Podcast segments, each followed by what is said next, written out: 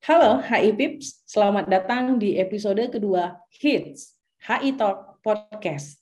Sekali lagi kami ucapkan selamat datang kembali di HI Talk Podcast, di mana podcast ini merupakan podcast dari program studi hubungan internasional Universitas Pulau Warman yang rutin kami selenggarakan. Kali ini saya bersama dengan Pak Arif. Apa kabar Pak Arif? Alhamdulillah Ibu sehat, baik. Ibu bagaimana kabarnya? Alhamdulillah baik juga Pak Arif. Oke Pak, di podcast kali ini kita mau ngobrolin tema yang agak hot ya, tapi jangan salah paham dulu, hotnya itu karena kita mau ulas sedikit tentang Afrika. Kan Afrika dikenal sebagai benua yang panas, baik cuaca atau iklimnya maupun situasi di sana. Nah, eh, sebagai benua terbesar yang kedua setelah Asia, kemudian eh, Afrika juga memiliki jumlah negara yang terbanyak di dunia dan segala potensi yang dimilikinya. Saya rasa tema ini cukup penting ya dan menarik untuk kita obrolkan. Nah, sebelumnya saya mau minta Pak Arif sebutkan tiga kata yang paling tepat untuk menggambarkan Afrika. Pak Arif, silakan. Wah, memang kalau bahas Afrika ini menarik banget ya Bu ya. Saya setuju. Eh, bahas Afrika itu menarik banget. Eh, nggak ada habisnya, mulai dari zaman dulu kala ya sampai sekarang gitu. Kalau kita ingat masa perjuangan kemerdekaan Indonesia, Indonesia dalam panggung hubungan internasional itu pernah mengadakan konferensi Asia Afrika. Nah, tersebut lagi kata Afrika. Ya, jadi sekarang pun juga eh, berita-berita atau eh, isu-isu tentang Afrika itu juga nggak ada habisnya. Nah, balik ke pertanyaan Ibu tadi, kalau saya ditanya tiga kata yang jadi keyword atau uh, yang menggambarkan deh tentang Afrika, maka saya bakal memilih kata-kata uh, berikut ini: perang, kemudian rebutan, yang ketiga miskin. Namun uh, saya tidak bermaksud sedikit pun merendahkan benua dan bangsa Afrika tentunya.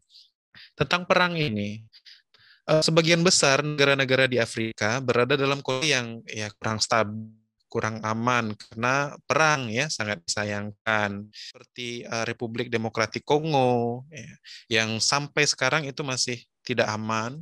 Kemudian Libya setelah tumbangnya penguasanya Muammar Gaddafi sampai sekarang masih kurang aman.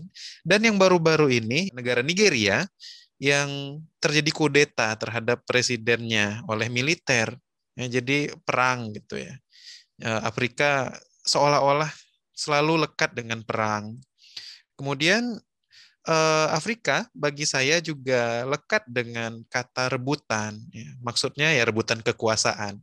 Uh, baik dari uh, lingkup domestik ya maupun di lingkup politik internasional di dalam persoalan domestik tadi ya seperti yang barusan saya sebutkan di Kongo, kemudian Libya dan negara-negara lain, penguasa-penguasa lokal di Afrika itu berebutan gitu, berebutan kekuasaan dan pengaruh. Belum lagi dari uh, level politik internasional, negara-negara uh, terlibat dalam kekuasaan untuk uh, bisa dikatakan ya memberikan pengaruhnya, intervensinya ke negara Afrika. Kemudian yang ketiga, uh, kata yang ketiga adalah miskin. Sangat disayangkan memang ya kalau seandainya kita browsing tuh di Google negara-negara termiskin di dunia, maka saya yakin paling tidak lima negara termiskin posisi paling bawah itu negara paling miskin itu ditempati negara-negara Afrika. Nah jadi uh, malang banget sih ya sudah kondisinya tidak aman, kemudian uh, masyarakatnya miskin pula. Nah itu sih menurut saya Bu. Kalau menurut Ibu sendiri apa apa kira-kira uh, tiga kata yang cocok buat menggambarkan Afrika?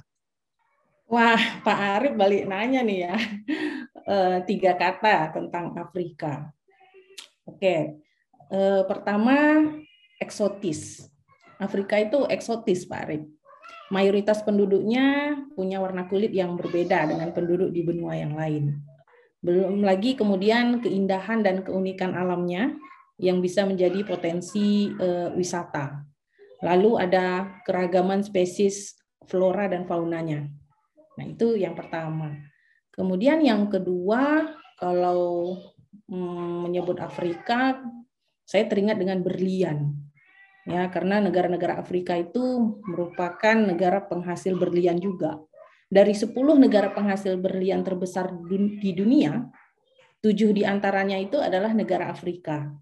Jadi dari segi sumber daya alamnya Afrika ini cukup kaya sebetulnya. Nah, yang ketiga eh, kering tarif.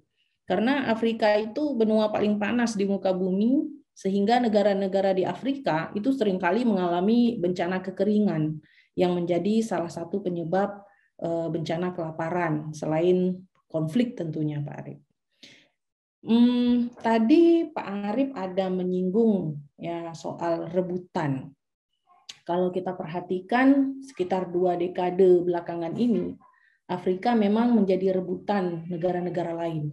Kalau dulu di zaman penjajahan bangsa Eropa, kita mungkin mengenal istilah scramble for Africa, gitu ya. Eh, saat ini pun sebetulnya terjadi perebutan antara negara-negara asing, gitu ya, terhadap eh, kawasan Afrika, atau jadi ajang kompetisi lah di antara negara-negara itu untuk memperoleh pengaruh ataupun untuk mencapai kepentingannya. Sebut saja seperti Cina, Rusia, Turki, kemudian juga negara-negara Teluk. Nah, bagaimana pandangan Pak Arif tentang itu? Wah, saya setuju banget sih ya dengan uh, penjelasan Ibu tadi. Memang Afrika ya eksotis, kemudian berlian, panas ya dan lain sebagainya ya.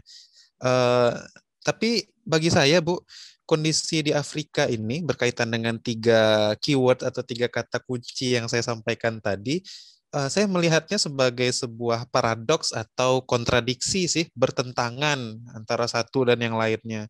Gimana enggak sih ya? Afrika, sebagaimana tadi juga Ibu sebutkan, negara yang kaya, ada berliannya deh gitu. Sumber daya alamnya tinggi, banyak banget pokoknya. Tapi di sisi lain, eh, Afrika ini ben, uh, benua yang dihuni oleh negara-negara yang miskin gitu. Jadi aneh gitu ya Bu bagi saya satu wilayah yang kaya banget sumber daya alam namun miskin. Apakah apa sih masalah yang ada di sana gitu. Nah, kebingungan saya ini tentang persoalan paradoksial atau kontradiksi di Afrika ini eh, apa ya? Jadi makin makin kompleks sih, makin rumit ketika eh, kehadiran gitu negara-negara lain yang terlibat dalam eh, penguasaan sumber daya Afrika. Nah, oh ya hampir lupa. Afrika memang punya sumber daya alam yang kaya, namun tidak hanya itu. Afrika secara geografis juga merupakan wilayah yang strategis ya. Jadi selain wilayahnya kaya, secara kandungan bumi, secara posisi geografis juga sangat strategis. Nggak heran jadinya ya kalau Afrika itu jadi uh, arena perebutan uh, kekuasaan dan pengaruh. Misalnya nih, uh, karena kebetulan semester ini saya diamanahi membersamai teman-teman mahasiswa HI Unmul uh, di mata kuliah politik dan pemerintahan Cina, maka saya ambil contoh Cina deh. Misalnya Cina nih atau Tiongkok sih. Uh, secara militer pangkalan militer Cina itu sudah didirikan di Afrika, tepatnya di uh, Djibouti. Ya. Uh, jadi di sini udah mulai nih Cina sebagai aktor yang biasanya itu nggak begitu uh, berperan secara militer, paling tidak di Afrika, malah dia mengambil peran yang besar gitu, membangun uh, pangkalan militernya di sana gitu. Uh, memang sih kalau di dalam konteks uh, perang pengaruh antara Cina dan Amerika misalnya terlalu cepat sih kalau misalnya saya mengatakan uh, Cina sudah bisa menandingi kekuasaan atau kehadiran atau pengaruh militer Amerika khususnya di Afrika. Namun, namun paling tidak kehadiran militer Cina di Afrika menjadi indikator bahwa Afrika itu menjadi arena pertentangan atau perebutan kekuasaan uh, oleh dua negara besar ini antara Cina dan Amerika Serikat gitu. Uh, Kemudian ada satu lagi negara besar juga ex Uni Soviet alias uh, Rusia gitu ya. Uh, Rusia juga ternyata melihat Afrika sebagai negara yang sangat uh, strategis. Kenapa tidak? Uh, kenapa bisa demikian maksudnya? Uh, Rusia itu menjadi negara pengimpor senjata paling besar, pedagang senjata paling besar ke Afrika. Ya, itu yang pertama. Jadi wajar kalau misalnya Rusia itu sangat-sangat memperhatikan eh, Afrika. Yang kedua, Rusia juga menjadi negara yang memberikan peluang bagi negara-negara Afrika untuk memiliki dan mengembangkan energi nuklir. Jadi eh, bisa dikatakan Cina itu memberikan pengaruhnya atau menancapkan pengaruhnya uh, dari segi uh, militer sudah mulai dari segi militer. Namun sebelum uh, menancapkan pengaruh melalui militer Cina sudah memberikan pengaruh dari segi ekonomi ya. Jadi terutama ekonomi ya Kemudian uh, Rusia itu sendiri, Rusia memberikan pengaruh di Afrika dari segi persenjataan sebagai gerbang pengaruh Rusia, kemudian dari segi energi, energi nuklir bagi negara-negara Rusia, negara-negara Afrika maksudnya yang memang uh, kekurangan dan haus akan energi. Sehingga peluang uh, dari Rusia yang memberikan energi, bantuan energi nuklir itu sangat-sangat dimanfaatkan oleh negara-negara Afrika yang mana sebenarnya uh, dari segi uh, energi, dari segi senjata itu negara negara-negara Barat, ya, Barat dalam artian Eropa Barat, kemudian Amerika Serikat, memang tidak membuka diri ke Afrika. Nah, peluang ini justru dimanfaatkan oleh negara seperti Rusia. Kemudian kondisi Afrika yang tadi tidak stabil, kemudian ada rezim-rezim pemerintahan yang diktator.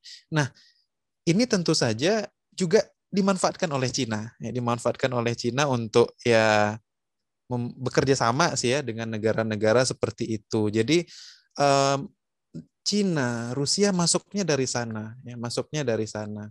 Dan posisi Amerika Serikat di Afrika itu uh, bisa dikatakan ya secara kehadiran militer masih menang, secara kehadiran militer masih menang dibandingkan uh, Rusia maupun Cina. Namun secara ekonomi, secara ekonomi bagi saya Amerika Serikat harus waspada. Amerika Serikat harus waspada uh, terhadap pengaruh Cina dan Rusia di Afrika.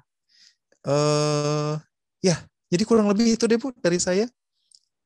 Uh, tapi ini sih Bu, ada ini nih. Tadi Ibu ada uh, menyinggung tentang negara-negara yang menjadikan Afrika sebagai arena pengaruh kekuasaannya, perebutan kekuasaan. Tadi ada Cina, Rusia. Tadi juga Ibu ada menyebutkan tentang uh, Turki dan negara-negara Teluk. Uh, biasanya sih ya, buat anak-anak HI khususnya, uh, pertentangan atau perebutan antara Cina, Amerika, Rusia itu udah biasa, udah biasa banget gitu ya, udah banyak pada tahu itu anak HI. Nah, saya sendiri mau tahu lebih jauh nih Bu, negara-negara yang hmm, tidak sebesar Cina, tidak sebesar Amerika, tapi ternyata punya peran dalam perebutan kekuasaan di Afrika. Tadi Bu sebutkan Turki dan negara-negara Teluk. Minta penjelasannya dong Bu.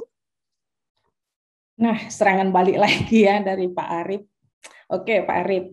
Kalau untuk Turki, eh, sejak Recep Tayyip Erdogan masih menjadi Perdana Menteri pada tahun 2002 sampai 2014, kemudian sampai saat ini menjadi presiden di Turki gitu ya. Afrika itu sudah jadi bagian penting dalam kebijakan luar negeri Turki. Mungkin bisa ke kita sebut pivot to Afrika gitu ya. Terutama ada tujuan-tujuan yang sifatnya ekonomi, kemudian politik dan keamanan. Turki dan negara-negara Teluk bisa dibilang cukup agresif mengejar akses untuk mendirikan pangkalan militer. Tadi Pak Arief bilang sudah ada pangkalan militer di Djibouti. Sebetulnya negara-negara Teluk ini pun begitu ya Pak Arief ya, negara-negara Teluk. Kemudian Turki juga berusaha untuk memiliki pangkalan militer di beberapa negara di Afrika. Kemudian selain itu mereka memposisikan dirinya sebagai mediator diplomatik di Afrika. Contohnya Qatar yang sudah berperan mencegah konflik yang terjadi antara Eritrea dengan Djibouti, kemudian ada Arab Saudi yang eh, juga sempat menjadi tuan rumah untuk konferensi perdamaian eh, konflik antara Eritrea dengan Ethiopia. Nah, Turki dan Saudi sendiri juga punya komitmen dan inisiatif membendung terorisme di wilayah eh, tanduk Afrika, khususnya sub-Sahara ya. Nah, dalam bidang ekonomi, negara-negara tersebut juga menjadikan Afrika sebagai tujuan investasi serta bantuan ekonominya. Saya eh, lihat sebetulnya latar belakang sejarah dan agama itu menjadi faktor yang membuat negara-negara ini tertarik untuk menanamkan dan meningkatkan pengaruh mereka di Afrika. Kalau bagi Arab Saudi dan beberapa negara eh, Sunni yang lain, sebetulnya juga ada indikasi untuk melawan atau mengcounter pengaruh Syiah ya Pak Arif karena Iran juga menanamkan pengaruhnya di Afrika. Hmm, memang menarik ya dan penting bagi kita sebagai penstudi HI untuk mengikuti perkembangan dan fenomena HI di Afrika ini. Nah, bagi HI PIPS nih yang tertarik dengan kajian Afrika, saya sekalian mau menginfokan kalau Prodi HI Unmul sudah buka kelas mata kuliah HI di Afrika mulai tahun ini khususnya untuk semester 5. Yang kebetulan Pak Arief bersama saya yang jadi dosen pengampunya. Jadi kayak promosi ya Pak Arif ya. Iya Oke, okay. terakhir Pak Arif, mungkin mau menyampaikan closing statement untuk tema kita hari ini. Silakan Pak Arif.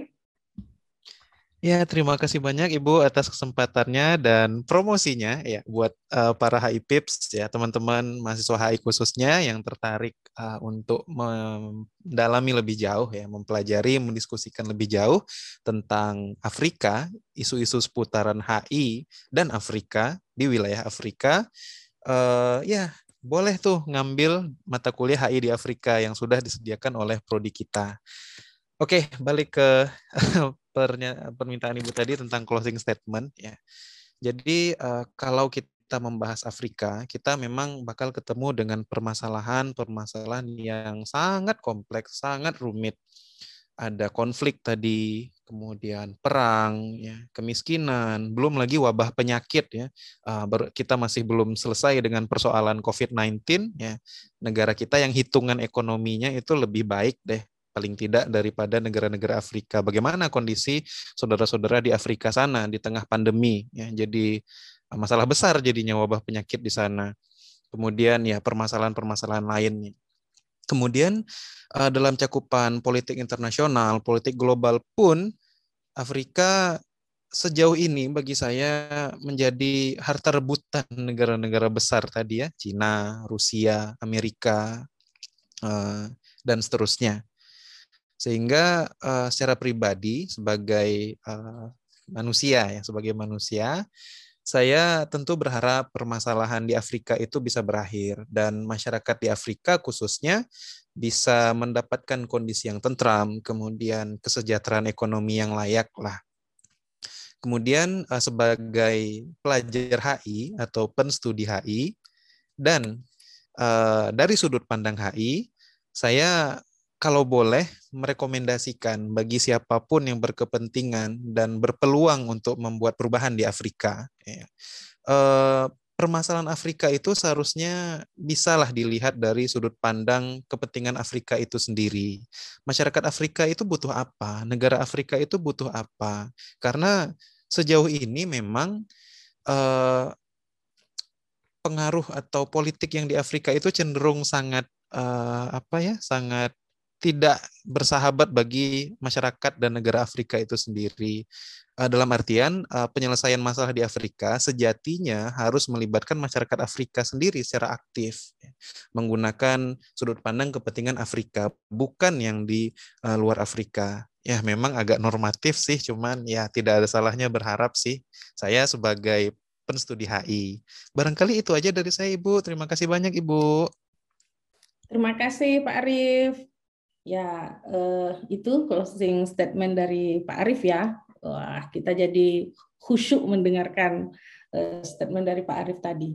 Baik, kita telah sampai di penghujung uh, acara ya. Terima kasih kepada Pak Arief yang telah menemani saya pada podcast kali ini, kepada HIPIPS yang mendengarkan podcast ini, jangan lupa untuk memberikan saran serta masukannya, dan yang terpenting jangan lupa untuk like dan komen pada kolom di bawah.